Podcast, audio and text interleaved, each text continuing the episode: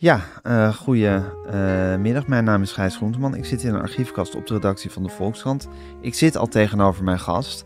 Uh, hij is een ja, lange man, beetje grijs haar, met een bril en een baardje. Uh, en hij is een, ja, hoe zou ik hem omschrijven, een eminent onderzoeksjournalist.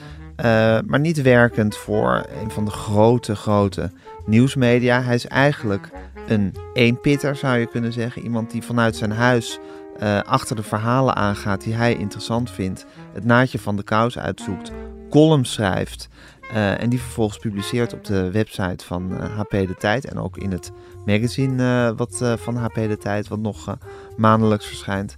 Maar deze man die nu op deze manier werkt, heeft een lange, lange journalistieke carrière achter de rug. Dat begon al, of dat speelde zich al tientallen jaren geleden af eh, bij de KRO, waar hij een uh, fameus onderzoekskoppel vormde met uh, Steven de Vogel. Vele scoops op hun naam. En zo heeft hij doorgewerkt. Hij is ook omroepbestuurder geweest, hoog bij de publieke omroep. De baas bij AT5 geweest. Heeft heel wat meegemaakt in zijn leven. En is nu op een, op een ja, interessant moment van, van de geschiedenis en van zijn eigen leven aangekomen. En daar gaan we het over hebben in dit gesprek. Luister naar mijn interview met Ton F. van Dijk. Zo Tom, daar zitten we dan.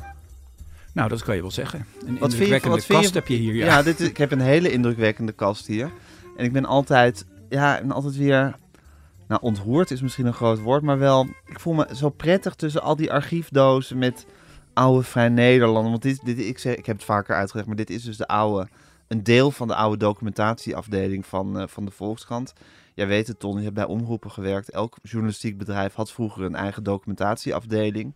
Waardoor nijvere mensen. De knipselmap. De knipsel, dus dat je een knipselmap kon halen. Nou, tegenwoordig is het internet natuurlijk één grote knipselmap. Dus dat is niet meer zo noodzakelijk. Maar goed, al die jaargangen, tijdschriften, kranten zijn natuurlijk toch nog allemaal bewaard gebleven. En dit is een klein deeltje van dit archief wat ja, niet meer gebruikt wordt, maar er nog wel is. Ja, het is geweldig. En daar zitten we tussen. Je, kan het je bijna niet voorstellen natuurlijk, maar we zitten hier in een soort kleine gevangeniscel qua grootte. Ja. kan net een bed en een... Ja. Uh, en dan omringd we allemaal ordners. Maar, ja. maar het is wel symbolisch natuurlijk voor de staat waarin de media op dit moment uh, verkeert, verkeren. Want uh, jij kan dus vanuit een kast, letterlijk... Zeker. Kan jij een succesvol ja, mediaproject ondernemen. Ja.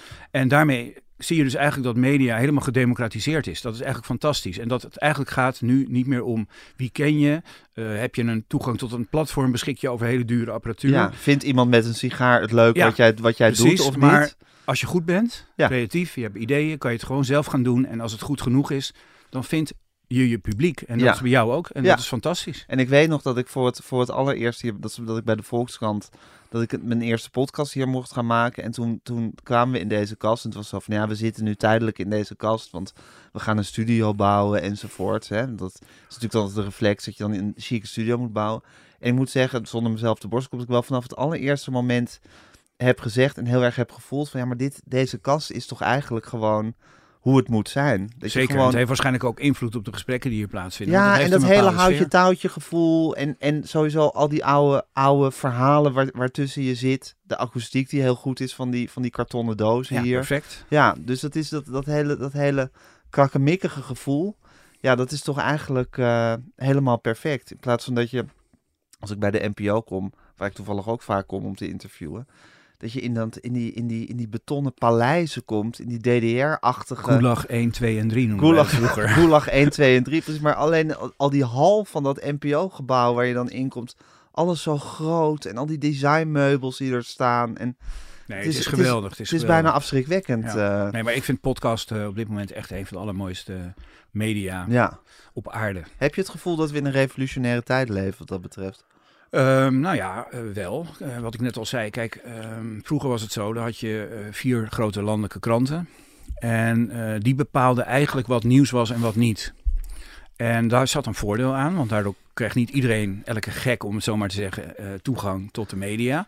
Maar er zat ook een groot nadeel aan, want ja, als de smaak daar niet was wat jij wilde brengen, dan stond je buiten spel. Ja.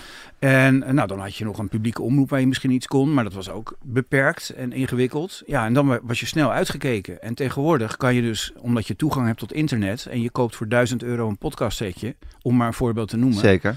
Kan je dus heel erg ehm, zichtbaar zijn en laten zien waar je mee bezig bent. En het is ook zo met podcast heb je natuurlijk kleinere groepen mensen, maar die waarderen je wel enorm. Dus je krijgt een hele trouwe aanhang. En ja. dat is ook uh, fantastisch aan dit medium.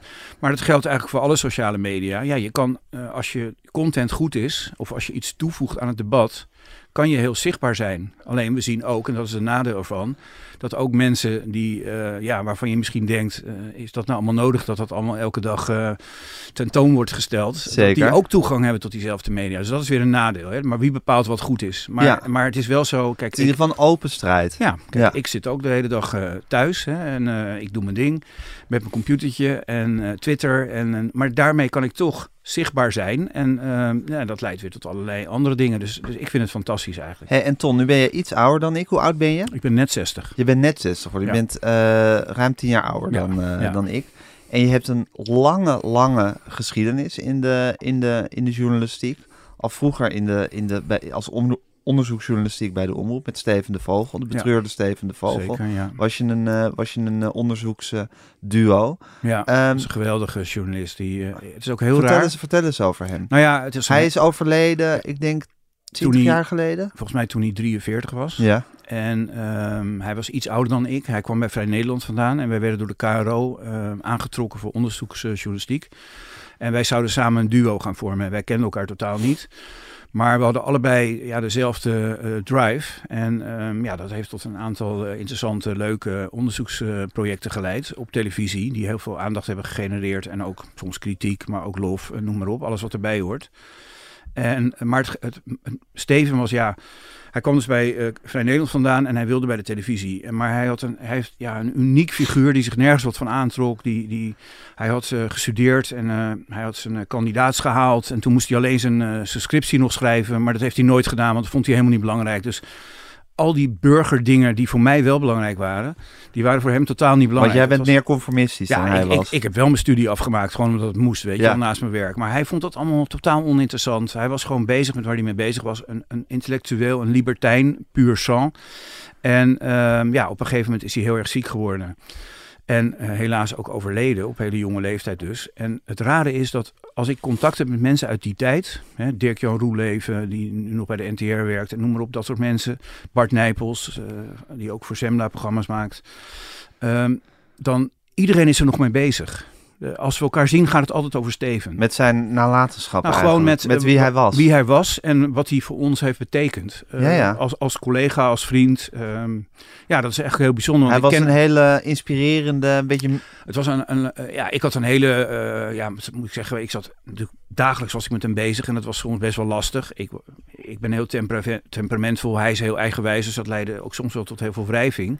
Maar daar kwamen hele mooie dingen uit voort. Maar het bijzondere is dus dat iedereen die hem gekend heeft en met hem gewerkt heeft, altijd uh, met een soort ontzag en, en, en nostalgie over hem spreekt. Ja, en nog ja, steeds. Ja. Dus hij, in zekere zin leeft hij nog steeds. Het feit dat wij het dus nu over hebben, is ook weer een voorbeeld. Maar als, als ik dus die mensen tegenkom, of ik heb even contact via de app. Gaat het onmiddellijk gaat het altijd over, Steven. Of uh, Dirk-Jan heeft opeens een oude foto gevonden van Steven. Die stuurt hij dan weer op.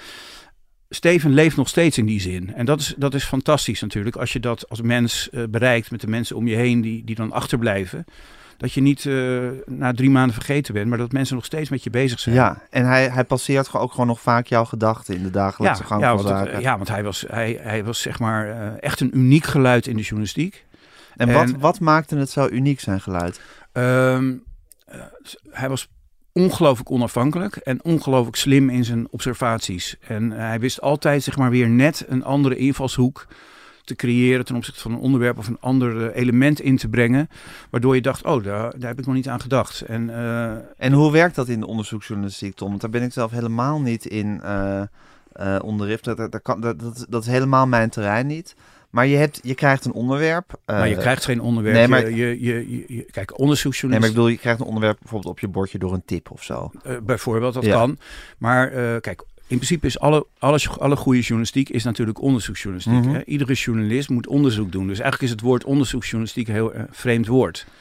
Uh, want eigenlijk verwacht je dat, ja, ja, want je verwacht eigenlijk van iedere journalistiek dat hij onderzoek doet. Nou, journalist dat hij onderzoek doet. Maar wat wordt ermee bedoeld? Nou ja, uh, onderzoeksjournalisten zijn vaak mensen die langere tijd de mogelijkheid hebben om zich in een onderwerp vast te bijten. Dat helemaal uit te zoeken, waar andere journalisten soms door de waan van de dag worden geregeerd en elke dag een stukje moeten maken of een reportage op televisie, uh, heb je als onderzoeksjournalistiek wat meer ruimte. Maar dat brengt ook een enorme druk met zich mee. Want ja, de collega's die denken altijd van zijn ze nou alweer uh, weg en wij moeten hier al het werk doen.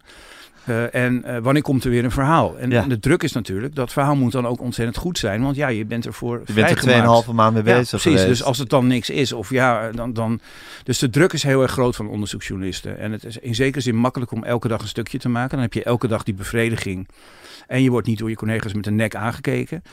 Um, maar, en, wat dat betreft ben je ook altijd een klein beetje een vreemdkörper ja. op de, in, het, in het mediabedrijf ja, waar je in werkt. Ja, en het is ook nog zo, als je dan twee maanden bezig bent geweest, je maakt iets en je wint er een prijs mee, dan sta jij weer vooraan met een prijs. En die anderen die elke dag hun ding doen, ja.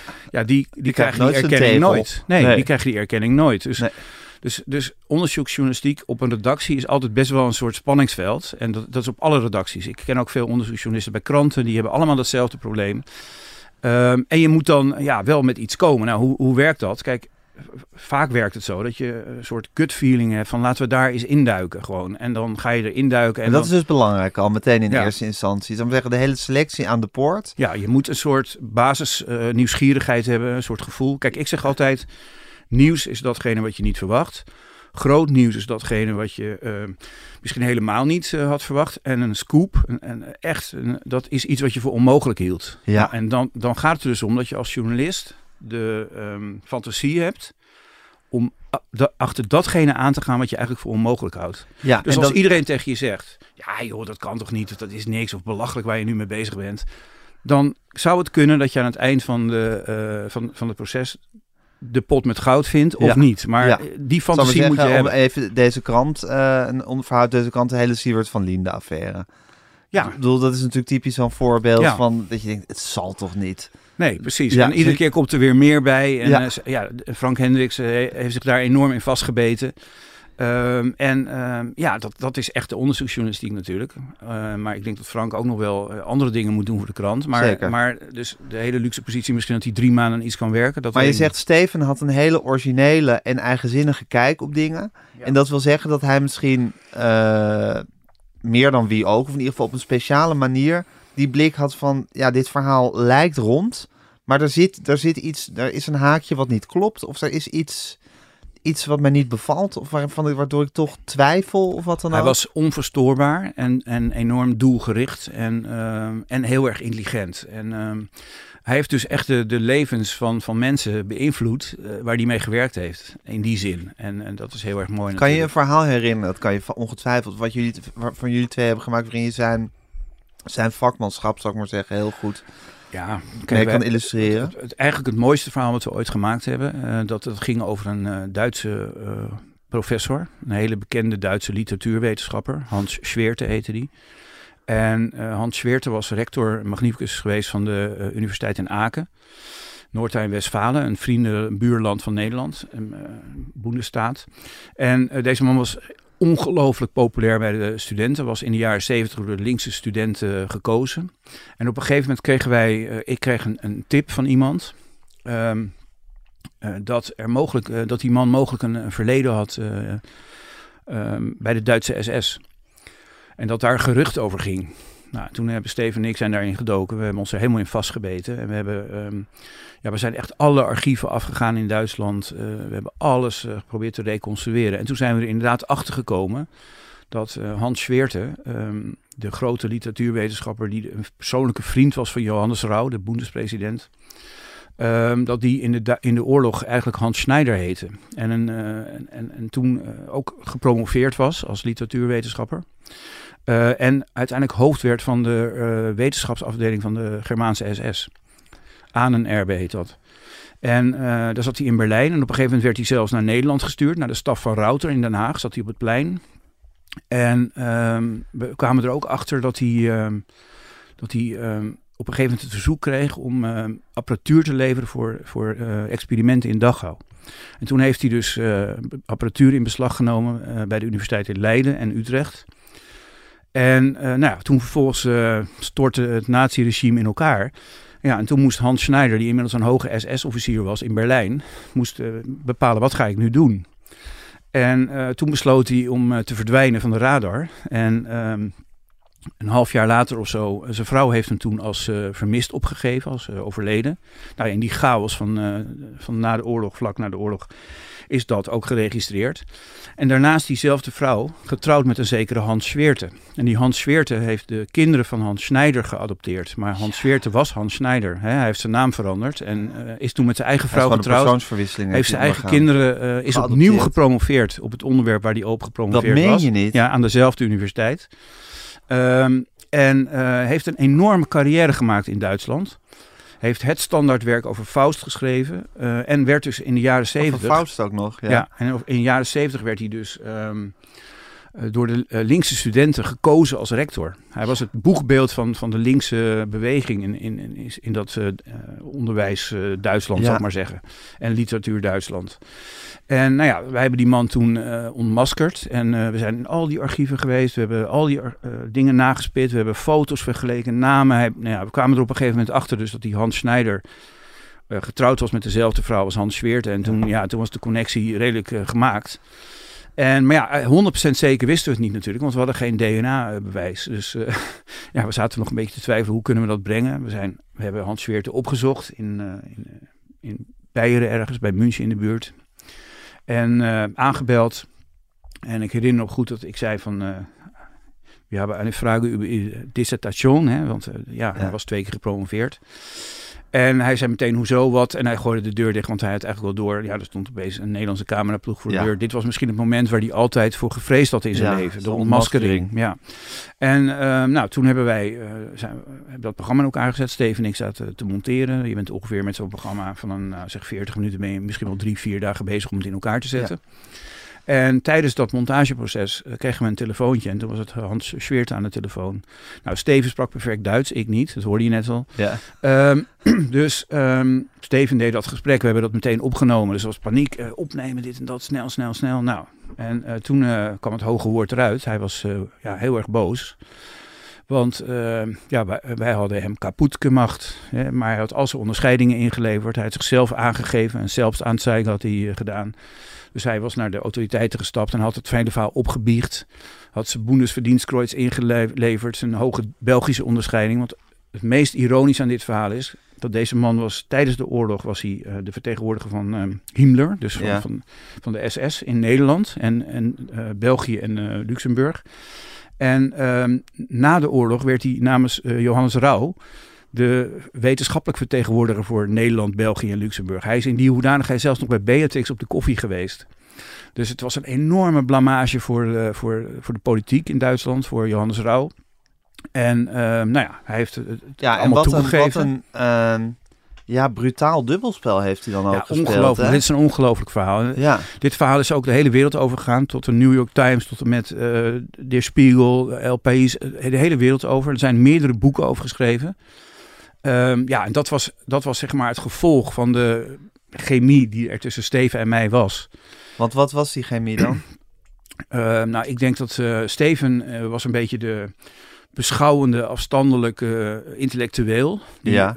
zo naar het onderwerp keek. Ja, je en, maakt nu een beweging met je hand alsof Ja. het een soort diamant is die je van alle kanten bekijkt. Ja, precies. Ja. En, en ik was een beetje de, ja, de- ik was jonger, veel jonger nog. Maar ik heb een enorme drive. Ja. Dus bij mij is het gewoon, ik moet dat doel bereiken. En het maakt me niet uit eh, hoe, bij wijze van spreken. Maar ik moet en zal eh, erachter komen hoe het zit. En dan leef ik daar 24 uur per dag voor. Stevens tot op veel meer afstand. We hadden ook constant ruzie in de auto, want hij wilde dan ergens eh, onderweg gaan eten.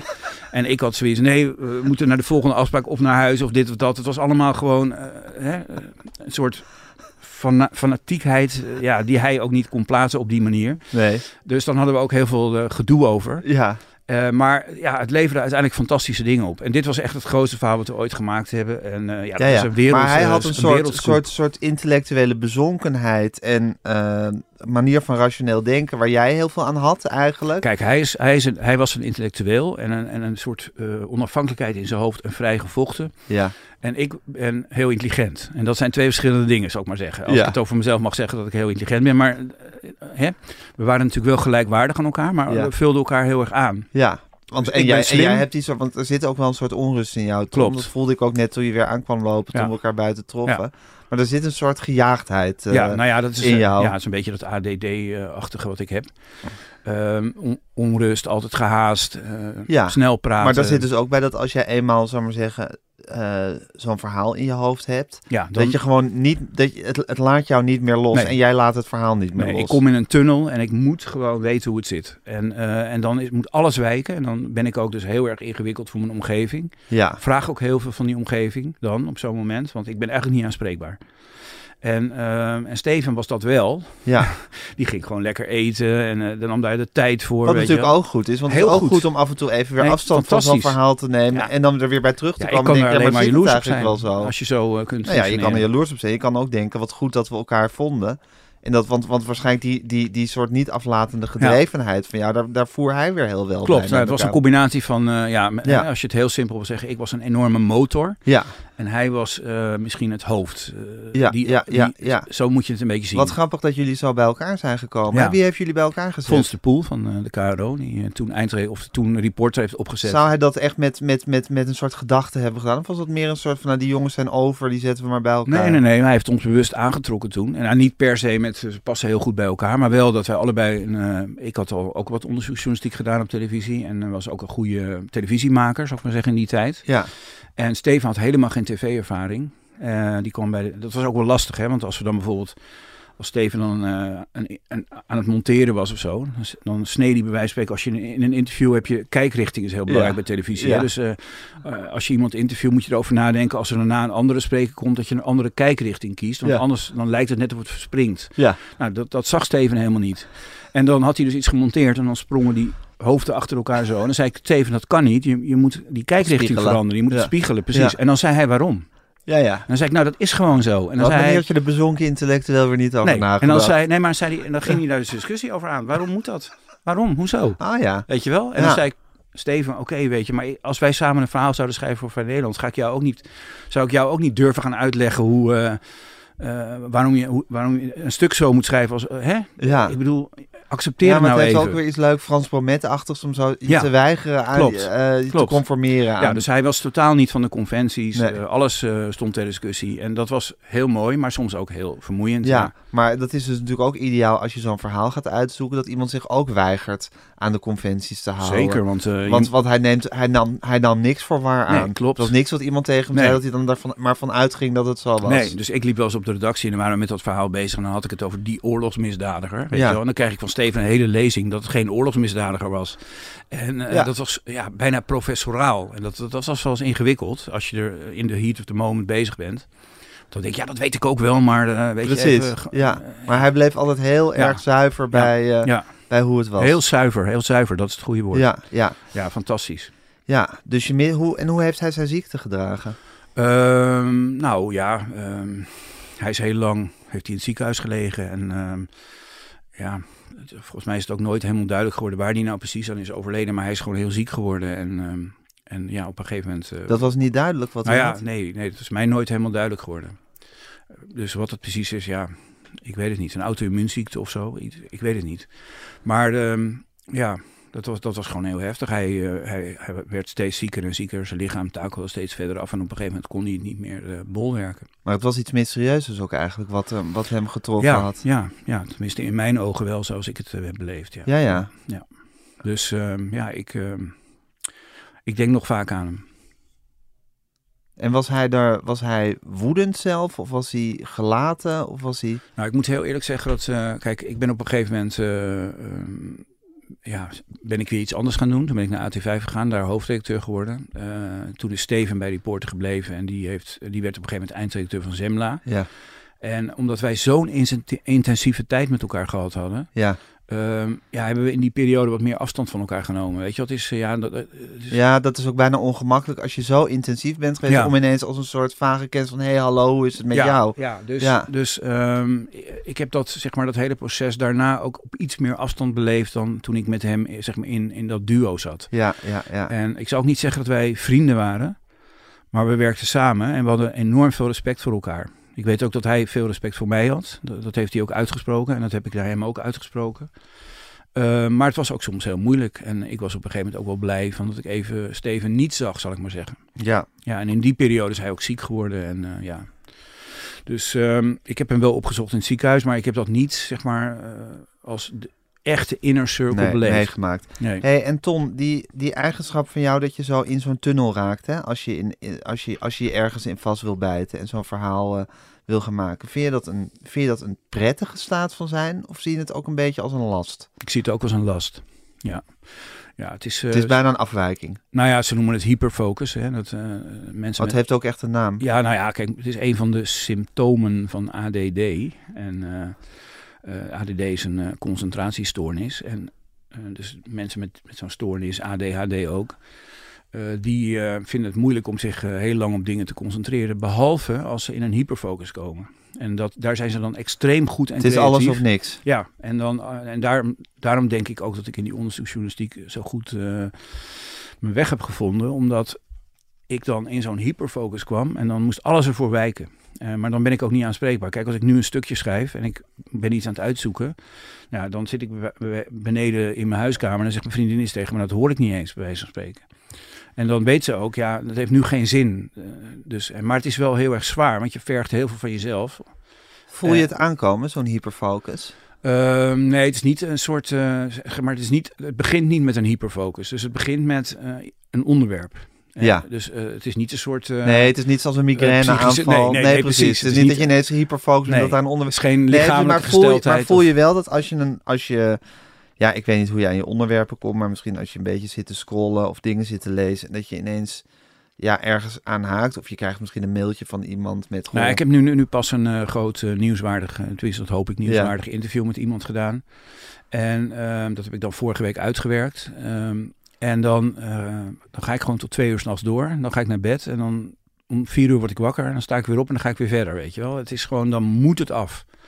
En ik kan niet denken, nou morgen om tien uur uh, kan ik het ook nog afmaken. Nee, dan moet het gewoon af. En dan kan ik eigenlijk pas weer rust vinden als het klaar is. Ja, ja. Ja, dus ja. maar dat is dus, dus, dus maar, dat, maar, maar iets, iets grijp je en dan voel je misschien wel, oké, okay, hier, want je kan natuurlijk niet op, op, op alles wat er langskomt, nee, maar dat, uh, maar, kan je ingaan. Nee, klopt. Dat is ook zo. Dus uh, zeg maar, uh, op al, kijk, ADD, hè, want daar ja. hebben we het over. Um, zoals ik het zie. Heb je da is dat eigenlijk officieel ja, gediagnosticeerd? Ja, ja, ja. precies. Oké. Okay. Vond je dat prettig toen die diagnose werd gesteld? Ja, weet je waarom? Omdat het namelijk. Kijk, ADD en ADHD zijn best wel omstreden. Er zijn mensen die zeggen, ja, dat is uh, aantoonbaar in je hersenen. En er zijn ook psychologen die zeggen, nou, uh, dat zit vooral op symptoomniveau. En uh, of dat nou een heel verhaal achter zit in je hersenen, dat weet ik niet. Nou, daar, daar is de wetenschap het niet helemaal over eens. Maar um, uh, het punt is, iedereen heeft een filter, hoe die naar de werkelijkheid kijkt. En ze zeggen dus bij mensen met ADD en ADHD dat je filter eigenlijk heel gevoelig is afgesteld. Dus dat je heel erg gevoelig bent voor alle prikkels die er op je afkomen. En omdat je zoveel prikkels eigenlijk moet verwerken, gaat het trager. Uh, en uh, daardoor ben je een beetje verstoord en een beetje, hè, maak je soms een beetje, ja, alsof je een beetje losgezongen bent, indruk. Ja. Um, en ben je ook heel impulsief en reageer je ad hoc op dingen.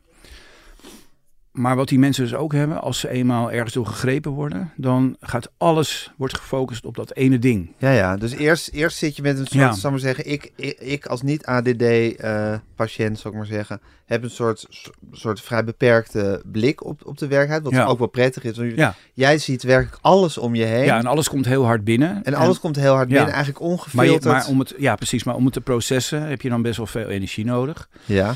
En uh, je hebt ook de neiging overal op te reageren. Ja. Maar hyperfocus is dus een van de kenmerken ja, van ADHD. Ja, dan wordt het een heel klein puntje. Opeens, als je dus ja. echt door iets gegrepen wordt, zeg maar, laten we uh, zeggen, het, het, die prikkel komt echt door, die dringt echt door en je raakt daarop gefocust. Ja. Dan kan je ook bijna niet meer loslaten en niks anders zien. Nee, en ik kan me voorstellen dat dat, dat dus met intelligentie, talent, gevoel voor hebben. Of je zou maar zeggen, weet of, of je hersens begrijpen wanneer je gehyperfocust wordt. Ja, maar dat merk je natuurlijk heel snel als je in zo'n hyperfocus Ja, maar ik kan me voorstellen als je, als je een, als je een ja, als je niet dat talent voor de onderjournalistiek hebt, bijvoorbeeld jij hebt, maar dat, dat het ook, dat je in een soort, soort onzinnige hyperfocus kan raken op dingen. Ja, nou ja, ik denk dat mensen met ADD of ADHD uh, eh, op allerlei dingen hypergefocust raken. Ja. Uh, maar hoe merk jij het? Want, want, want je hebt dus die veelheid aan prikkels. Nou ja, en, komt in een soort en mogelijke, verha ja, maar, en mogelijke verhalen die er, die er bij jou langskomen. En soms is er ineens, of soms regelmatig, is er ineens een verhaal waar je ingaat. Hoe weet je in welk verhaal je moet gaan? Um, ja, dat is denk ik intuïtie. Hè? Dat is intuïtie. Ja, dat staat los van het hyperfocus. Maar ik denk dat is gewoon je intellect en je journalistieke intuïtie. Nou ja, goed. Maar die, die, die, die hangen dus samen. En die werken samen met het hyperfocus. Precies. En dan uh, vervolgens komt daar iets uit. En ja, maar daarom, dat is dus eigenlijk een intuïtief proces. Dus daarom vraag ik van hoe voel je dat aankomen? Dus, dus jij merkt dat er, er, er, komen, weet ik veel, 30 verhalen, mogelijke verhalen langs per dag op je laptop. Of als je de krant aan het lezen bent of weet ik veel wat. En soms ineens vernauwt het zich. En heb je iets van hier moet ik hier moet ik iets mee. Ja, en door die hyperfocus um, synchroniseer je opeens ook met de werkelijkheid. Dus als je zeg maar uh, ADD hebt, dan ben je vaak niet helemaal gesynchroniseerd met alles om je heen, omdat je al die prikkels maar uh, en, en moeilijk kan verwerken, als het ware, dat gevoel. Ja. En als je dan in zo'n hyperfocus komt, dan ben je opeens gesynchroniseerd. Ja. Dus dan, dan klopt alles opeens. En dat geeft een lekker gevoel. En het idee is natuurlijk dat er dan een soort, ja, dat je dan die prikkel, als het ware, zich vertaalt in je hersenen. Ja, maar je ehm, zei van... Ik en een lekker stofje aan precies, want je zei ik vind het ook een last. Nou, ik kan me voorstellen dat het, dat het hele proces een last is, maar dan is die hyperfocus is eigenlijk jouw, jouw fijnste staat van zijn. Want daarbuiten voel je je ook een beetje los van de wereld. Nou ja, onrustig. Onrustig, wat jij zei. alsof het niet helemaal... Ja, alsof het niet helemaal in sync past en klopt. ja, en, daar, en als je dus naar mijn werkende carrière kijkt, naar mijn leven... Ja. dan zie je ook dat ik... Ehm, Ehm, steeds dingen heb gedaan. Kijk, als ik, ik ben bijvoorbeeld ook eh, dus hoofdredacteur geweest van AT5. Ik ben, ik ben een baasje geweest, op een gegeven moment omhoog gevallen. Uh, allerlei dingen gedaan. Ja, je was zendermanager bij Ook geweest, directeur NPO, eh, ben ik geweest van de televisienetten. Uh, maar ik ben iemand die graag een project doet. Dus je moet niet tegen mij zeggen, ja, je krijgt nu een mooie baan met heel veel macht en een dure auto en tot zover in het plus. Maar, maar, je bent nu degene die op de winkel past tussen aanhalingstekens. Ik zeg het oneerbiedig, zo, bedoel ik, zo bedoel ik het niet. En maar als een soort interim Maar je moet eigenlijk tegen, ja, je moet eigenlijk tegen mij zeggen, Ton, er is een heel groot probleem. Ja. En dat moet nu worden opgelost. Je hebt nu anderhalf jaar om het op te en lossen. En jij moet het oplossen in anderhalf jaar tijd. Nou, en dan kom ik ook in zo'n hyperfocus. En uh, daarom heb ik ook in mijn, in mijn werkende leven, en zeker ook bijvoorbeeld bij de NPO, uh, ja, heb ik dan iets voor elkaar gekregen. Omdat ik dan in zo'n zo'n zo'n ja, zo'n doelgerichte staat kom. Ja. En tegelijkertijd, zo gauw het voorbij is, is dan voor mij de lol eraf. Ja, ja. Dus ik ben ook toen ik... Uh, toen ik, uh, ik had de zeven, ik was netcoördinator geweest inderdaad, eerst van Nederland 1, toen van Nederland 2. En toen werd ik uh, belast met het, uh, zeg maar het, het, helemaal omgooien van die programmeringsstrategie. Ja. Wat tegelijkertijd een machtsstrijd in Hilversum was. Ja. Dat was een heel uh, groot project. Nou, dat leidde uiteindelijk toe dat ik ook benoemd werd tot directeur televisie. De, nou, de Frans Klein van toen. Ja. En, um, maar toen ik dat was, toen ben ik er ook eigenlijk nou ja, binnen een paar maanden mee gestopt. Want dat boeide me totaal niet. Nee. Je, en je, ik, mist, je miste helemaal het soort aandachtspunt. Ja, ja. En ik weet nog dat uh, Kees Smaling, de grote man vroeger van PCM, die toen ook inderdaad van toezicht zat van de NOS, denk ik dat het was, of publieke omroep. Ja. Uh, die kwam ook naar me toe en die zei: Ton, hoe kan je dat nou doen? Je hebt net alles bereikt. Je, je hebt de macht, je hebt het bereikt. Ja. En nu ga je weg. Ja. Ja, nou, dat is typisch, denk ik, zoals ik in elkaar zit. En dat heeft voordelen en uh, mooie kanten en ook minder mooie kanten natuurlijk. Ja, ja. Kijk, soms zou ik best wel een uh, hele rustige, doordachte advocaat in een ritbroek willen zijn. Maar ja, ik ben het gewoon niet. En, nee. en, dat, uh, en dat, maar daar heb ik me dus nu, je vroeg net hoe oud ben je, 60 ben ik. Nou, daar heb ik het dus nu mee verzoend. Sinds wanneer? Ben. Nou, sinds een tijdje. Ja. Maar wat geeft... Geef eens, een, geef eens een periode. Hoe lang heb je hiermee verzoend? En hoe nou, is dat ja, gebeurd? Ik, nou ja, ik ben, um, even kijken, in 2016 ben ik uh, ziek geworden. Uh, zodanig, ik was toen uh, voorzitter van de directie van uh, de culturele hoofdstad in Europa. Groot project. hele mooie baan in Friesland was dat, in Leeuwarden. En ook echt een project? Ja, ook een ja. project weer. Ja. Dat, heerlijk was dat. Gewoon, ja. Het duurde vier jaar. Ik wist gewoon, nou, ik moet daar naartoe. Ja. En um, ja, het was fantastisch van samenwerken met de burgemeester en de commissaris van de Koning, tot en met de wijken bezoeken in, in, in Leeuwarden, waar, waar heel veel armoede is. En kijken hoe je cultuur kan inzetten om het lot van mensen te verbeteren. En ik had daar ontzettend naar mijn zin. En opeens ben ik gewoon ja, heel erg ziek geworden. En ehm, toen ben ik eigenlijk noodgedwongen gestopt met werken. En ja, dan, dan kom je eigenlijk in een soort uh, fase van je leven dat je alles opnieuw moet uitvinden. En ja, dat heeft uiteindelijk toe geleid dat je dus ook gedwongen wordt over heel veel dingen na te denken. Uh, wie ben ik zonder dat ik een, uh, zonder dat ik een baan heb met, uh, met nou ja, waardoor door, er allerlei dingen op je afkomen. Wordt, nou ja, precies. Maar je bent iemand en daarom word je ook weer voor dingen gevraagd. En nou ja, dat ben je ook gewend. En dan opeens ja, wordt het stil. En dan moet je jezelf opnieuw uitvinden. En dat vraagt ook heel veel nadenken over wie je zelf bent. En, ehm, en uiteindelijk vraagt dat ook dat je je verzoent met, met je lot. En dat je er het beste van maakt. Ja. En dat heb ik gedaan. En uh, nou ja, dan in samenhang met mijn leeftijd, vind ik, 60 ben ik nu. Ja, dan, dan is het ontzettend fijn als je um, een beetje een beeld hebt van wie je zelf bent. Wat je goede kanten zijn, je minder goede kanten. En, um, en, en je daar vooral mee verzoent. Ja, um, is zo'n ziekte dan ook op een gekke manier een zegen in je leven? ja, dat is altijd een beetje een gevaarlijke vraag, hè? Laat ik het zo zeggen. kijk, als er vervelende dingen gebeuren, uh, dan um, is dat, blijft dat vervelend en verdrietig. En, en dat heeft heel veel nadelen. Ja. Maar tegelijkertijd, de kunst is dan toch om er iets mee te doen, waardoor het ook ten goede van jou werkt. En nou ja, dat, dat heb, heb ik dan wel ontdekt, hoe, hoe voor mezelf, hè, hoe dat uh, in elkaar zit. En dat geeft in ieder geval een soort gevoel van, um, van uh, eigenwaarde. Zijn er momenten dat je dacht dat je doodging? Uh, nou, ik ben Zijn er momenten geweest dat ik, je dacht dat je dood Nou ja, ik ben bijna... Ja, dat klinkt heel dramatisch, maar ik, ik ben eh, zeg maar in een bepaalde situatie terechtgekomen... waardoor ik uh, in een septische shock terecht kwam en ik ben bijna dood gegaan. Ik heb een spoedoperatie ondergaan waarbij ik een grote kans had om te overlijden op de operatietafel. Was je daar bewust van toen je die operatie inging? Was je er nog nee. bij? Nou, ik was er wel van tevoren bij. Uh, en dat ging allemaal zo snel. En ehm, dus... En later... wat, wat, had je? Ik hoef, nou, ik hoef geen medische nee, details, nee, maar was, het, was nou ja, het een... Kijk, ik, ik, ik, ik ben er een beetje terughoudend en ik vind het helemaal okay. niet erg om over te praten. Want, uh, nou goed, ik hoef het ook Nee, maar ik vind het niet, ja. niet erg op zich, maar... Um, het is ook wel zo dat je wil graag meer zijn dan alleen ja, maar dat is ook uh, zo. een ziek iemand die, die... Daarom is het eigenlijk ook niet interessant. Dus ik laat die vraag, die vergeten we. okay. Maar er was een moment dat je, op het, dat je op het randje van de dood zweefde. Ja. ja. En achteraf werd dat nog duidelijker eigenlijk. Want toen ging ik me erin verdiepen. Wat is er eigenlijk gebeurd allemaal? En toen bleek dat, ja, dat het best wel allemaal heel uh, riskant is Is het geweest. achteraf chockerend als je weet dat je zo dichterbij bent geweest? Mm, ja, die dingen overkomen je. Weet je, ik ja, ben ook als verslaggever ben ik uh, in oorlogsgebied geweest. Heb ik onder vuur gelegen. En dat heeft ook heel veel indruk gemaakt. Ja, maar dan kan je toch ook een soort posttraumatische Ja, nou, heb, ik ook, heb ik ook wel gehad. Ja. En, en um, ja, dus zeg maar, uh, ja, doodgaan. Ja, laat ik het zo zeggen. Als je heel erg ziek wordt en je verliest heel veel van de dingen waar je heel hard voor gewerkt hebt in je leven. Ja. Dan um, uh, ja, brengt je dat wel terug tot de essentie. Ja. En dan, dan, dan um, moet je erachter zien te komen wie je nou echt bent. En als je dat lukt, dan heeft het ook meerwaarde voor je, voor je persoonlijke ontwikkeling. En daarachter komen wie je echt bent, is dus als alle decorum eraf ja. gepeld is. Ja, en als Ja. je dus niet meer... Um, kijk, ik, ik ben uh, al heel jong televisieverslaggever geworden. En uh, ik ben al heel jong eindredacteur geworden van een tv-programma. En ik ben al heel jong hoofdredacteur geworden van AT5 in Amsterdam. En ik was ook de jongste netcoördinator. Ja. En um, dus ik heb altijd, zeg maar, uh, voor aangestaan... Als het ging om interessante dingen doen, Ja. uh, maar ook uh, om de erkenning te krijgen van anderen. Want hè, daar word je je later pas bewust van waarom mensen zich op een bepaalde manier naar jou gedragen.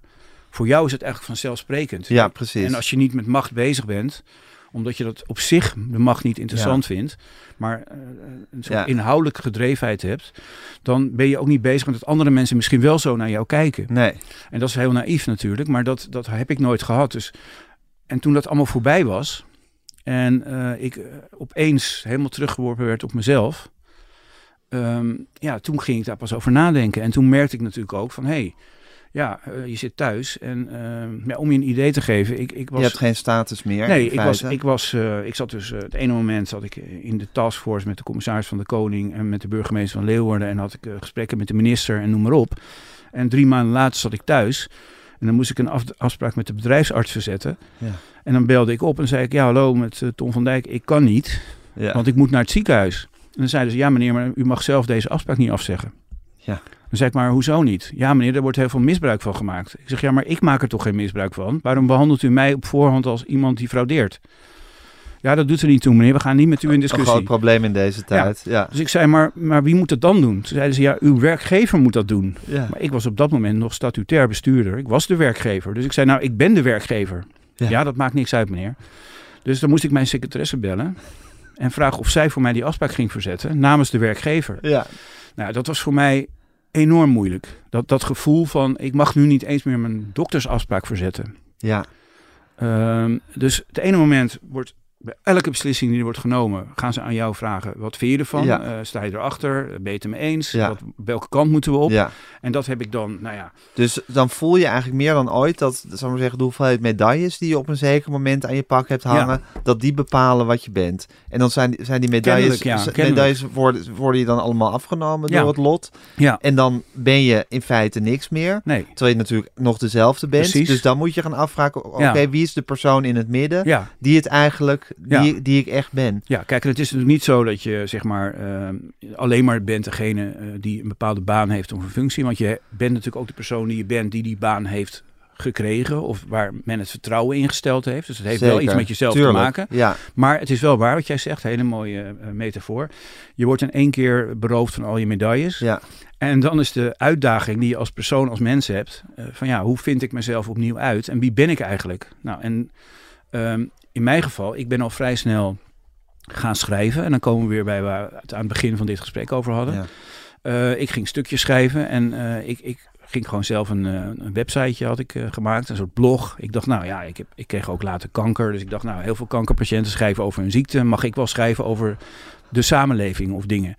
Nou, toen had ik op een gegeven moment een nieuwtje. Ja. En toen was mijn eerste reflex, wat ik vroeger gewend was, de krant bellen om even eh, in te zijn van ik heb een nieuwtje. Vinden jullie dat wat? Willen jullie het hebben? Ja. ja? Maar uh, toen ontdekte ik al vrij snel, nee, als ik het gewoon op mijn website zet, dan vindt het zijn weg wel. En dan uh, bellen die krantenjournalisten bij spreken mij op om te vragen hoe het zit. Dus uh, de toegang tot media is gedemocratiseerd en daar kon ik in mijn situatie gebruik van maken. En dat is eigenlijk wat ik de afgelopen eh, zes, zeven jaar heb gedaan. Ik, ik heb gewoon uh, gebruik gemaakt van het feit dat iedereen tegenwoordig uh, zijn stem kan laten horen. Via internet, via social media. En uh, dan hangt het dus vanaf wie jij bent, wat jij zegt en wat je toevoegt. Ja. En dan gaat het echt om jezelf. Ja. Dan is het helemaal ontdaan van de onzin. Ja, dan eh, zijn al die medailles weg. Nou, en, en uiteindelijk uh, via dat websiteje wat ik zelf ging doen, uh, ja, heb ik de stap gemaakt naar HP De Tijd. En daar heb ik een heel mooi huwelijk mee gekregen. Want zij waarderen het enorm wat ik doe. En uh, ze laten me heel erg vrij. Hoe is jouw huwelijk met HP de tijd? Ja. Betalen ze jou? Nou, ik doe het. Het is voor mij een, echt een, iets wat, wat ik gewoon doe omdat ik het leuk vind. Ja. En um, ik heb met hun de afspraak gemaakt ik wil gewoon kunnen schrijven wanneer ik wil schrijven. Ja. Uh, ik wil heel graag jullie platform uh, daarvoor gebruiken. Want ja, HP de Tijd is natuurlijk klein. Het is niet meer het grote HP de Tijd wat het ooit was. Nee. Maar het is wel een heel mooi merk. Ja. Het is een heel mooi blad wat ja. nog steeds elke maand uitkomt. Ja. Een van de mooiste magazines van Nederland. En, um, koop die krant. Nou ja, ja koop, neem krant. een abonnement. neem een um, abonnement. Maar um, ja, dus het was voor mij een heel mooi platform. Kijk, ik had het met Theodor Holman over toen. Ja. Eh, die, die ik nog ken van AT5 en van het Parool. Die zei, ja, je moet nu echt een beter platform uh, zoeken dan je eigen website. Het is goed genoeg, weet je wel. Ik dacht in het begin, ja, ik moet dat allemaal nog leren. Column, column schrijven, noem maar op. Toen zei hij, nou, ga naar de Volkskrant of naar de NRC. Ja. Zei ik, nou Theodor, ik moet er niet aan denken. Nee. Want dan kom ik in zo'n enorme grote machine. Ja.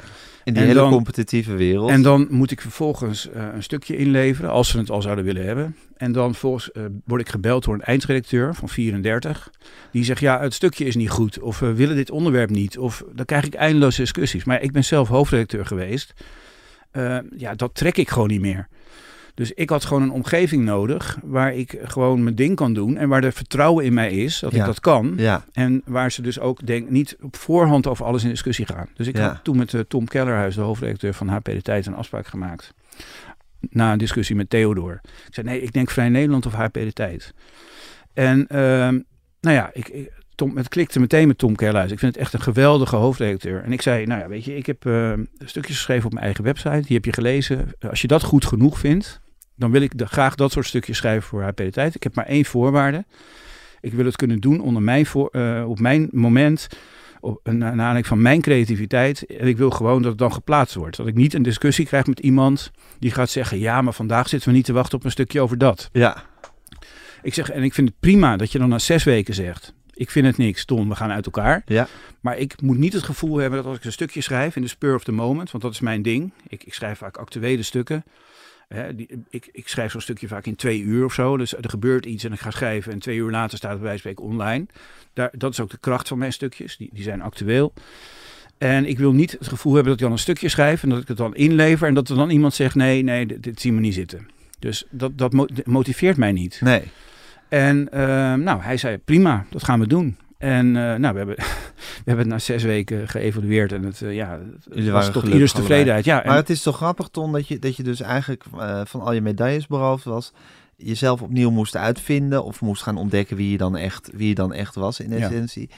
En je hebt, zal maar zeggen, wat je gevonden hebt is, ja, zal maar zeggen, de, de kaalste en zuiverste vorm van onderjournalistiek. Nou ja, en, dus en ik schrijf dus ook uh, columns, hè? dus het is niet alleen column, nee, dat is waar. het is ook, mijn, ook meningen. Ook meningen, maar wel heel erg daaraan gerelateerd. Aan het nieuws gerelateerd, aan, het nieuws, aan de politiek. Aan het nieuws, ik schrijf, ja, ik Precies. over politieke media schrijf ik. En ja. uh, vaak zit er ook in een column uh, zit er wel een soort nieuwtje of weet je wel, iets wat ik heb gehoord, weet ja. of uitgezocht. En ook je mening, daar ben je ook ja. niet terughoudend nee. in met wat je, wat je gewoon vindt van dingen. Nee. nee. maar goed, je bent een soort, je bent een soort, soort, soort ja, eenzame bol geworden eigenlijk. Die gewoon door, door het universum schiet. Ja. Uh, op zoek naar, naar de dingen waar jij op aanslaat. Ja. En waar jij, waar jij in wil gaan. En als je dat doet, dan doe je dat ook uh, diep en uh, grondig. En nog steeds rukzichtloos. En rukzichtloos. Nou ja, dat, dat is wel zo. Kijk, ik schrijf ook over de publieke omroep. En um, ja, ik vind als je. Kijk, ik heb daar natuurlijk gewerkt. Dat is al lang geleden hoor. Dus inmiddels 15 jaar geleden of zo. Dus ik vind ook dat ik. Ja, waarom zou ik daar niet over mogen schrijven? Maar ik weet wel dat er mensen zijn daar die denken van ja, weet je wel, je hebt hier gewerkt, ja. uh, je bent hier de baas geweest, hoezo schrijf jij die stukjes?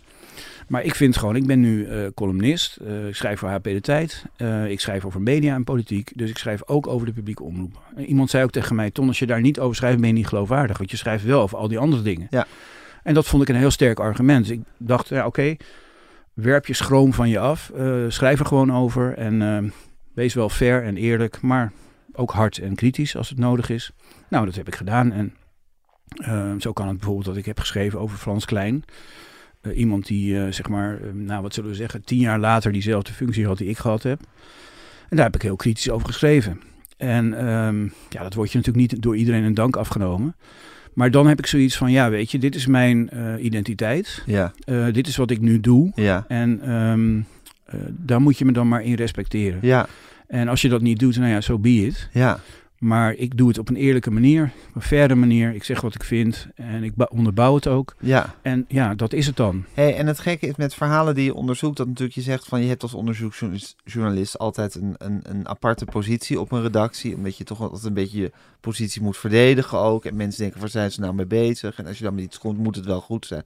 Dus dan, dat is natuurlijk lastig. Maar dan heb je tenminste ook altijd die redactie, redactie waartoe je je moet verhouden. Ja. En dat zijn in zekere zin ook uh, controleurs, niet of alles ja. wel klopt, maar of je wel ja, aan klopt. het werk bent. Nee, dat geeft je ook een soort, ja, soort, soort noodzaak om door te klopt. gaan. Nou, die structuur heb ik dus niet. Nee, die heb je niet nee. meer. En um, dus ik ben nu mijn eigen uh, hardste kritiekaster, om het maar zo te zeggen. Dus ik, ik ben enorm streng voor mezelf uh, in het controleren van dingen. Omdat ik me heel erg bewust ben van het feit, ja, als ik een keertje iets opschrijf wat niet klopt, dan ben ik ook gelijk aan de beurt natuurlijk. Dus ik probeer echt uh, heel zorgvuldige dingen te doen en heel streng zijn voor mezelf. En ik laat ook ja, heel vaak dingen weg die misschien best wel nieuwswaardig zijn. Of ik publiceer zelfs soms dingen die nieuwswaardig zijn, niet omdat ik er niet achter sta of wat dan ook.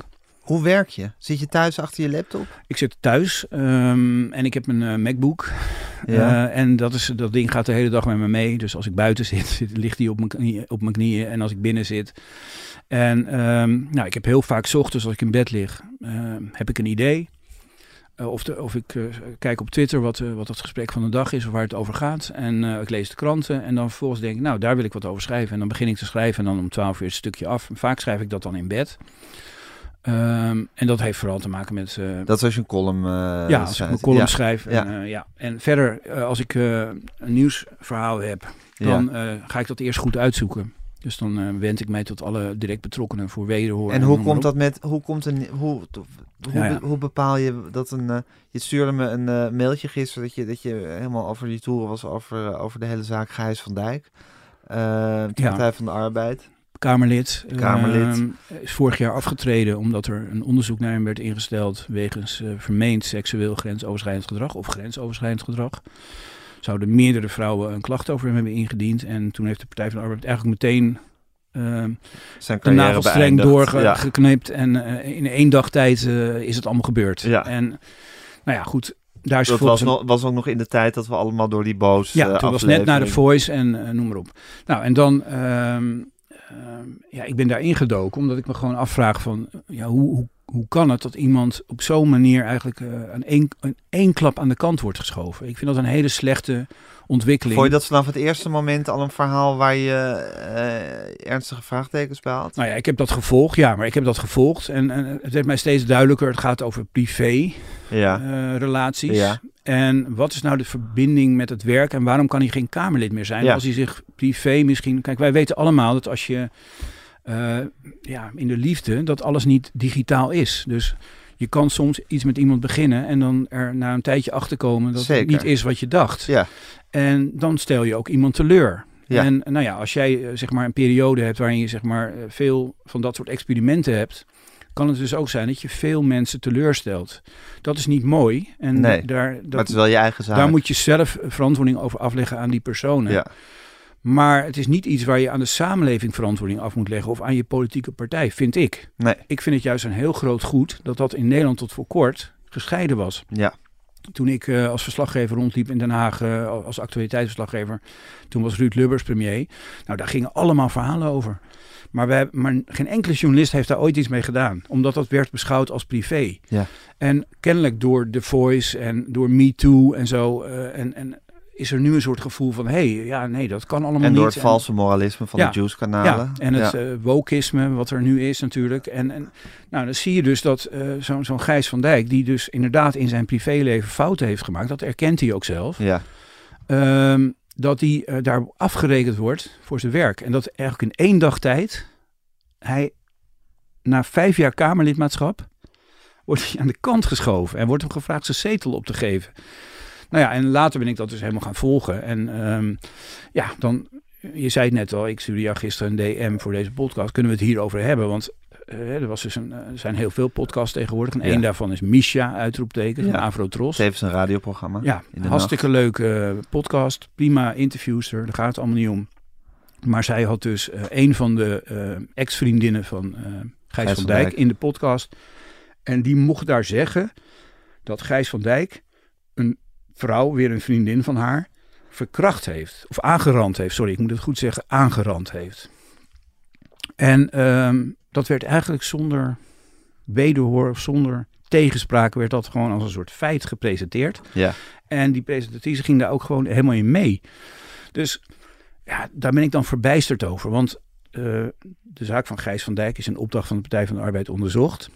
Er zijn uh, uiteindelijk drie klachten uh, zijn er bekeken die ontvankelijk zijn verklaard. Dat is wat er overgebleven is van alles. Drie mensen die een probleem met hem hebben in de privésfeer. Ja. En geen van al, van al die klachten gaat over aanranding. Nee. Nou, en nou blijkt dat de vrouw waar het om zou gaan, dat is al twee of drie keer uitgezocht door verschillende onderzoeksbureaus, die allemaal tot de conclusie zijn gekomen dat dat niet waar is, dat het ongegrond is. En toch mag iemand in een podcast zeggen dat Gijs van Dijk is aangerand. Nou, ik vind dat bizar. En ik vind het ook, uh, als we dus in deze tijd zo met elkaar omgaan, als je je niet bewust bent als journalist of interviewer, ja.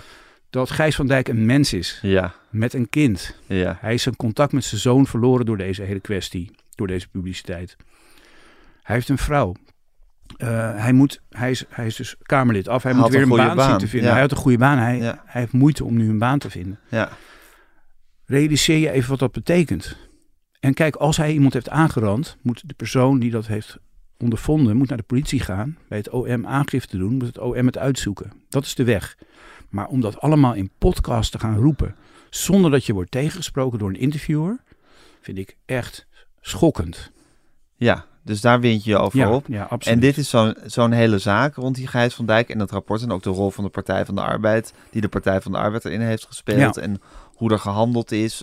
Hoe een deel, want een deel van dat rapport was openbaar en een deel van dat rapport was geheim. Dat is ook nogal een opmerkelijke constructie. Ja, dat is heel vreemd uh, heel vreemd, ja, want je schrijft toch een rapport om openheid van zaken nou, het is vooral vreemd voor Gijs van Dijk, want die wordt ergens van beschuldigd. Ja. Dan wordt er een onderzoek gedaan en dan wordt er vervolgens gezegd, nee, het onderzoeksrapport is geheim. Ja.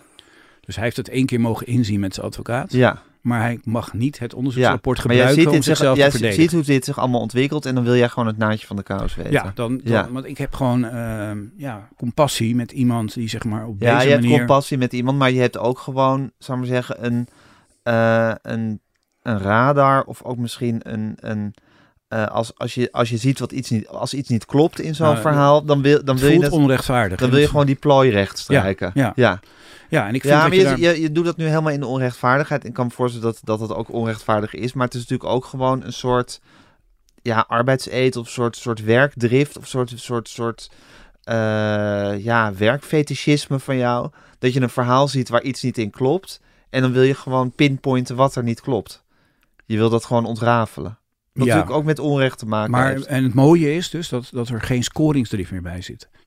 Dus Is dat echt zo, ja, Tom? vroeger was het zo dat, ehm, dat ik... ehm, natuurlijk had ik als jonge journalist een enorme scoringsdrift. Ik, Ja. ik wilde gewoon beroemd worden, zou ik maar zeggen. En ik wilde de beste zijn in mijn vak. En ik wilde prijzen winnen. Dat was ook belangrijk voor me. Ehm, en nu is het zo dat ik, ja, dat ik gewoon heel anders naar kijk. Want eh, zo'n stukje, ja, twee dagen nieuws. En daarna gaat de wereld weer gewoon verder. En dan moet je voor jezelf iedere keer toch de vraag stellen van... is het het waard dat ik dit stukje over iemand schrijf? En ik kan je een concreet voorbeeld geven. Ehm, ik heb ook informatie over een andere politicus... die ehm, dingen heeft gedaan, zeg maar, op... Nou ja, die, die, die eh, seksueel eh, georiënteerde foto's verstuurd heeft aan vrouwen. Ja. En ehm, via via ben ik ook in het bezit gekomen van het materiaal wat erbij hoort. Apps, eh, foto's, filmpjes, noem maar op. En ehm, nou, dan kan je zeggen, die politicus is chantabel als dat soort materiaal rondgaat. Ja. Nou, vanuit dat perspectief zou ik zo een stukje daarover kunnen schrijven.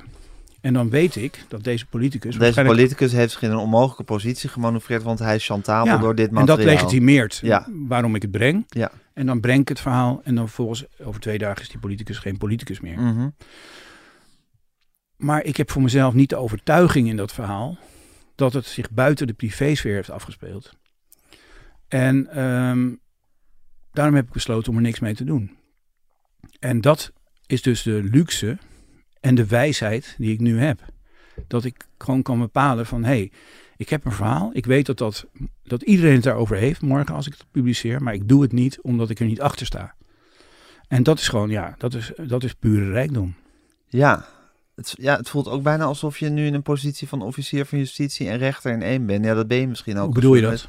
Nou ja, dat je ook dat je dat dat dat dat dat dat jij nu kan beslissen Nee, want of je de of je of Nee, je de want- zeis laat vallen of Nee, niet. natuurlijk niet. Want als, eh, als eh, degene die dit zeg maar ondergaat, Ja, ehm, daar iets van vindt, Ja. heeft die persoon alle mogelijkheden en het recht staat om daar iets mee te doen. ja, En ehm, dus daar ga ik helemaal niet over. Nee. Iemand kan morgen aangifte doen of wat dan ook. ja.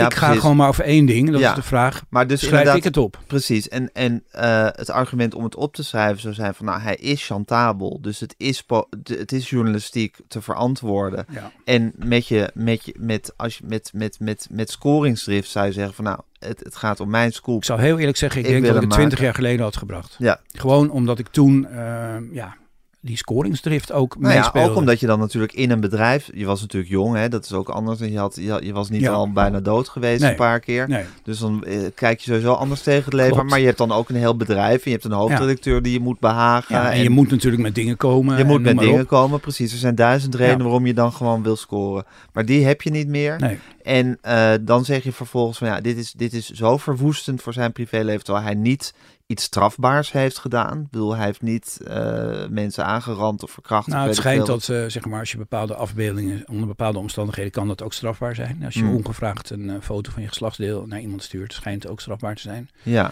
maar je zei het is in de privésfeer. Maar als dat, ja, ik weet dat niet 100% nee. zeker. Nee. Dus, dus um, ik twijfel daarover. En ja. ik, ik heb niet de overtuiging dus ik heb wel het wettige bewijs, maar niet de overtuiging. Ja, ja. En dan denk je, nou, dan schrijf ik het gewoon niet. En dat is de luxe die ik nu heb. Ja.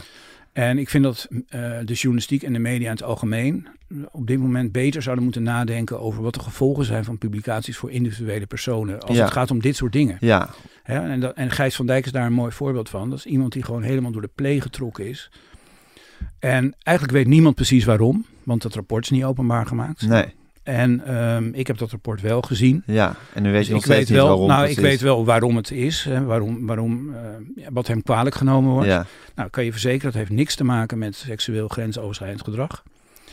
Um, volgens mij heeft het zelfs helemaal niks te maken met grensoverschrijdend gedrag, maar gewoon met privérelaties ja. waar dingen fout zijn Onhandige gegaan. privérelaties. Ja, waar, Hij, waar hij niet goed heeft geopereerd. Nee. En daarvan wordt nu gezegd, ja, Kamerleden van de Partij van de Arbeid hebben een erecode ondertekend. Daar staat in, je bent uh, niet alleen privé, of uh, je bent niet alleen Kamerlid zeg maar in je werk, maar ook privé. Ja. En ze hebben dus eigenlijk kunstmatig, vind ik, die koppeling gemaakt tussen, oké, hij heeft zich niet helemaal top gedragen in een relatie, zijn ja. wat vrouwen teleurgesteld. En dat komt niet overeen met wat je in de erecode hebt ondertekend. Ja. Maar daarmee is dus wel gezegd, vanaf nu gaan we het privégedrag van Kamerleden, gaan we uh, relevant maken voor hun functioneren als Kamerlid. Ja. Nou, en dat vind ik eigenlijk een Rubicon die overgegaan is. Zeker. dan kan je wel camera's bij alle Kamerleden gaan ophangen of ze wel lief tegen hun kinderen zijn. Ja, want een van de dingen die hem kwalijk werd genomen in dat onderzoeksrapport was bijvoorbeeld dat hij op Tinder had gestaan. Nou ja, als wij in een samenleving leven waarin we zeggen, jongens, Kamerleden mogen niet op een dating app. Ja, waar zijn we dan mee bezig? Ja. ja? ja. En, uh, maar dat werd hem heel erg kwalijk genomen. Ja. ja. Maar zo speur je dus, ik herinner me ook bijvoorbeeld in die hele affaire met Khadija Arif, toen die zich begon te ontvouwen. Toen heb jij een stukje geschreven waarin jij het voor haar opnam. Uh, puur eigenlijk op een persoonlijke ervaring van je. Nou, ik, ik, ik, ik uh, heb een stuk geschreven. Uh, kijk, zij is natuurlijk beschuldigd van uh, dat ze zich niet zo netjes gedragen zou ja. hebben tegenover personeel in de Tweede Kamer. Dat is een groot stuk geworden in het NRC.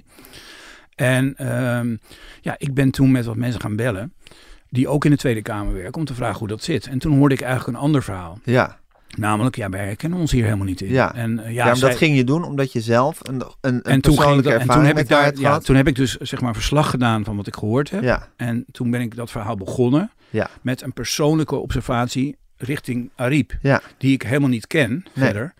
Alleen, um, en die observatie was namelijk, uh, mijn huis is twee, uh, twee jaar geleden of drie jaar geleden, tweeënhalf jaar geleden afgebrand, tot aan de grond midden in de nacht.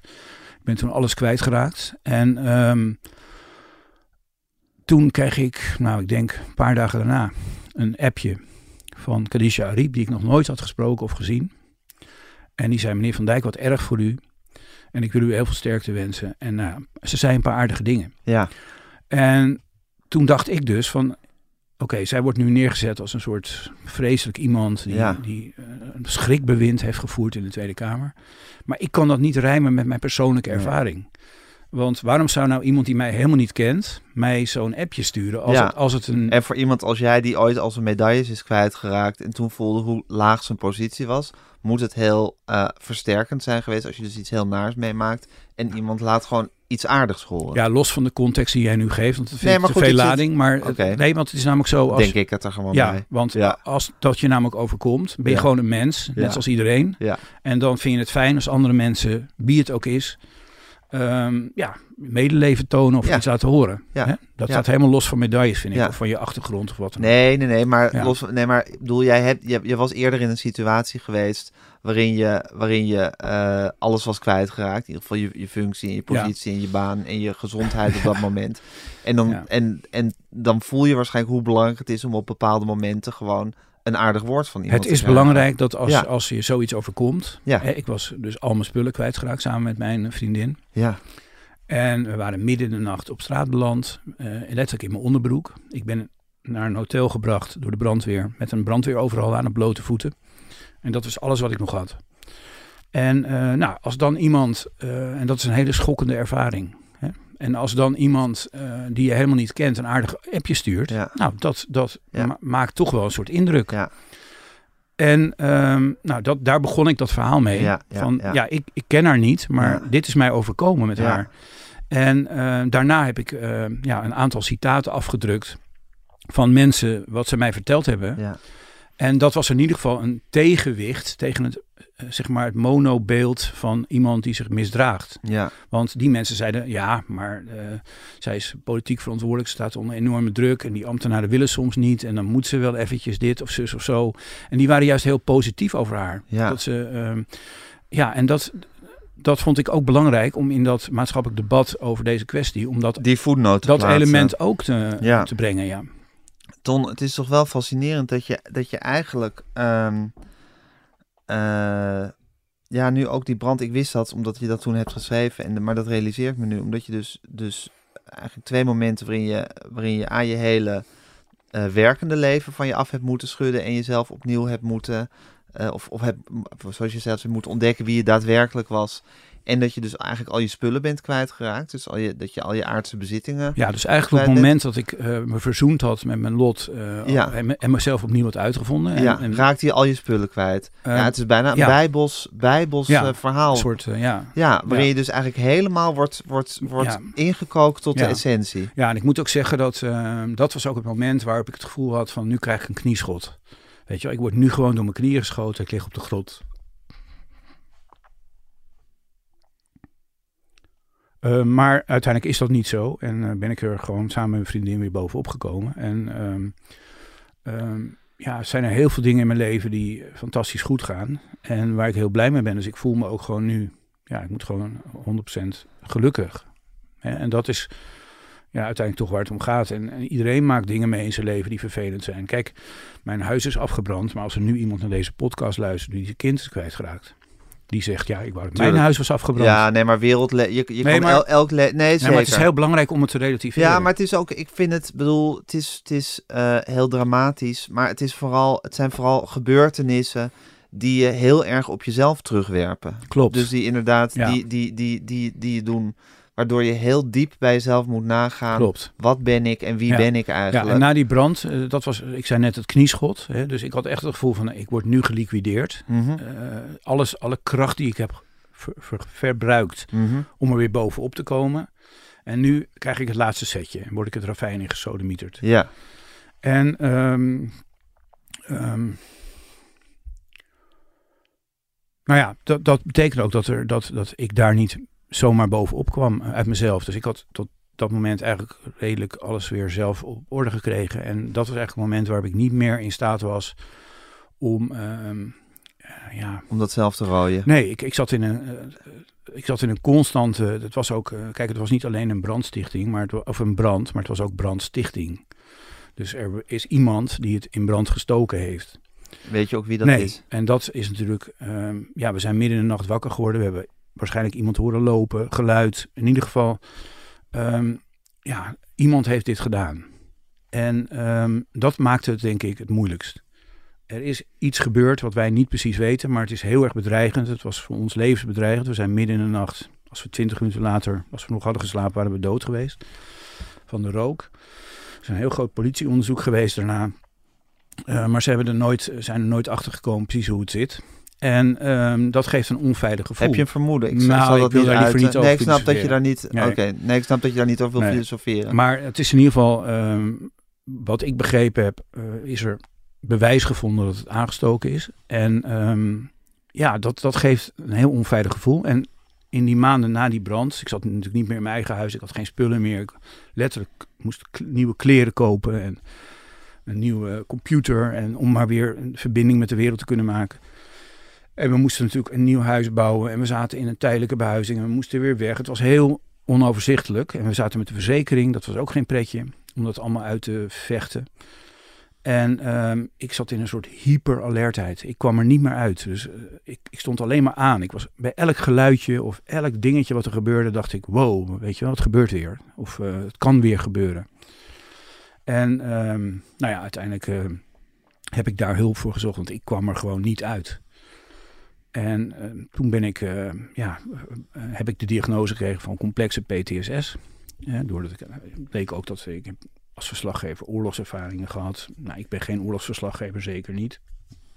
Er zijn veel betere oorlogsverslaggevers, maar ik ben wel als verslaggever in oorlogsgebied geweest. Mhm. Ik heb onder vuur gelegen, gevangen gezeten of gevangen genomen, ergens opgesloten gezeten. En dat, uh, ja, dat kwam allemaal bij elkaar. Werd het opeens te veel door die brand. En door, het was in feite een aanslag. En um, ja, nou, daar heb ik hulp voor gezocht. en uh, dat heeft me geweldig geholpen. En um, ja, dat heeft me bevrijd van, van, van, van, van al die dingen die ik net opnoemde. En eigenlijk ben ik nu in een betere staat dan, uh, dan de, daarvoor. Ja. Ja. Ja. Dus daar ben ik heel dankbaar voor. Ja, je moet in, Nederland is het ook nog niet zo makkelijk om uh, op dit moment hulp te vinden op dat soort gebied. Want overal wachtlijsten en zo. En uh, ja, uiteindelijk ben ik ergens terechtgekomen waar ze me heel goed geholpen hebben. En ja, daar ben ik heel dankbaar voor. Tja. Ja. Ja, je kan zeggen, het leven heeft je een paar poetsen gebakken.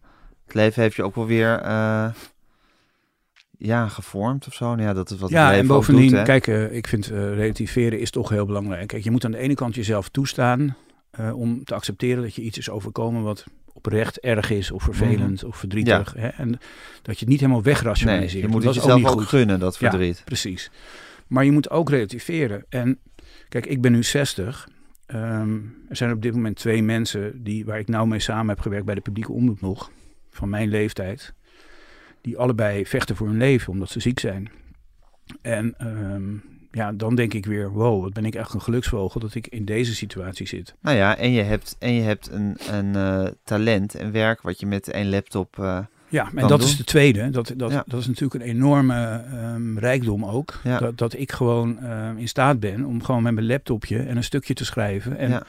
Nou zit ik weer bij jou in de podcast een leuk gesprek te voeren. Nou, nee, maar dat gebeurt niet natuurlijk als je, als je alleen maar achter de geranium zit. Hè? Dan, dan op een gegeven moment weet niemand meer wie je bent. Nee. En um, ik heb, maar ik heb totaal geen ambitie meer om zeg maar vooraan te staan bij alles en, en de persoon te zijn die eh, alle vuur trekt. Nee, dat ik vind dit juist een heerlijke rol. Maar dat is, dat is natuurlijk het goede wat, waar we het ook over hadden van de democratisering van de media. Als jij gewoon doet wat je kan, ja. namelijk je, je ervaring, je talent en je hyperfocus gebruiken om af en toe uh, achter een verhaal aan te gaan en de wereld een beetje te observeren. Klopt. En dat via je laptop uh, de wereld in te ja. sturen. Ja, dan, dan, dan ben je er en dan doe je ertoe. Ja. En dan uh, heb je A, nut voor de wereld. En, dan, nou, en als je nut hebt, dan voel je jezelf ook nuttig. En Kijk, dat is ik, toch. Ik, ja, ik, ik krijg heel vaak, als ik ochtends een tweet verstuur dan, en die krijgt, weet ik veel, veel likes, dan krijg ik een uur later een appje of een telefoontje van een talkshow ja, wil je vanavond bij ons komen om daarover te praten? Ja. en dan zeg ik altijd, nee, nee, nee, dat, dat uh, nee, is niet, voor mij niet zo'n heel goed platform, daar heb ik niet zo'n zin in. Dat voel je niet meer? Nou, ik vind het, nee, ik, ik vind nee. het sowieso, uh, ik, ik, vind die talkshows afschuwelijk, maar ja. ik vind het ook uh, belachelijk dat je wordt uitgenodigd omdat je een tweet verstuurt. Um, er zullen toch wel mensen zijn die er meer verstand van hebben.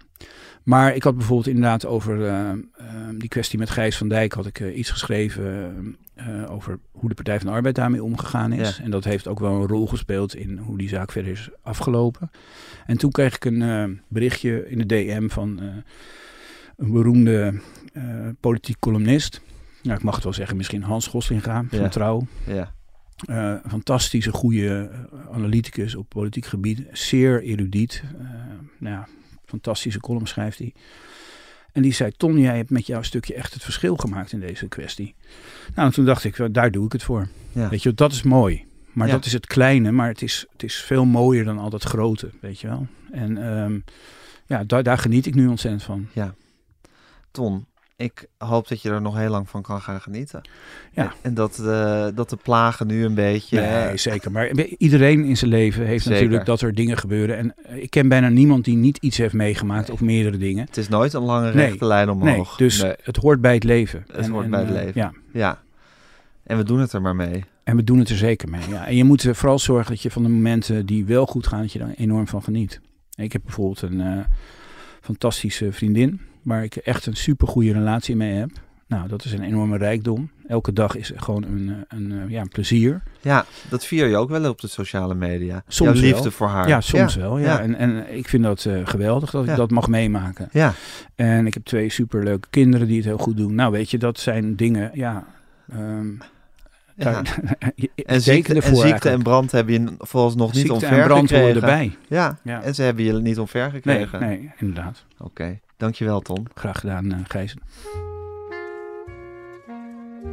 Dit was Met Groenteman in de Kast met Ton en Van Dijk. Mijn naam is Gijs Groenteman. Ik maakte deze podcast met uh, Tamar Bot en Fanny van der Rijt. En Daan Hofstede die alles netjes in uw oortjes bezorgde. Corine van Duin deed de eindredactie. U kunt ons volgen op Instagram, @metgroenteman. U kunt ons een mailtje sturen, uh. En geef ons toch vooral lekker veel sterretjes.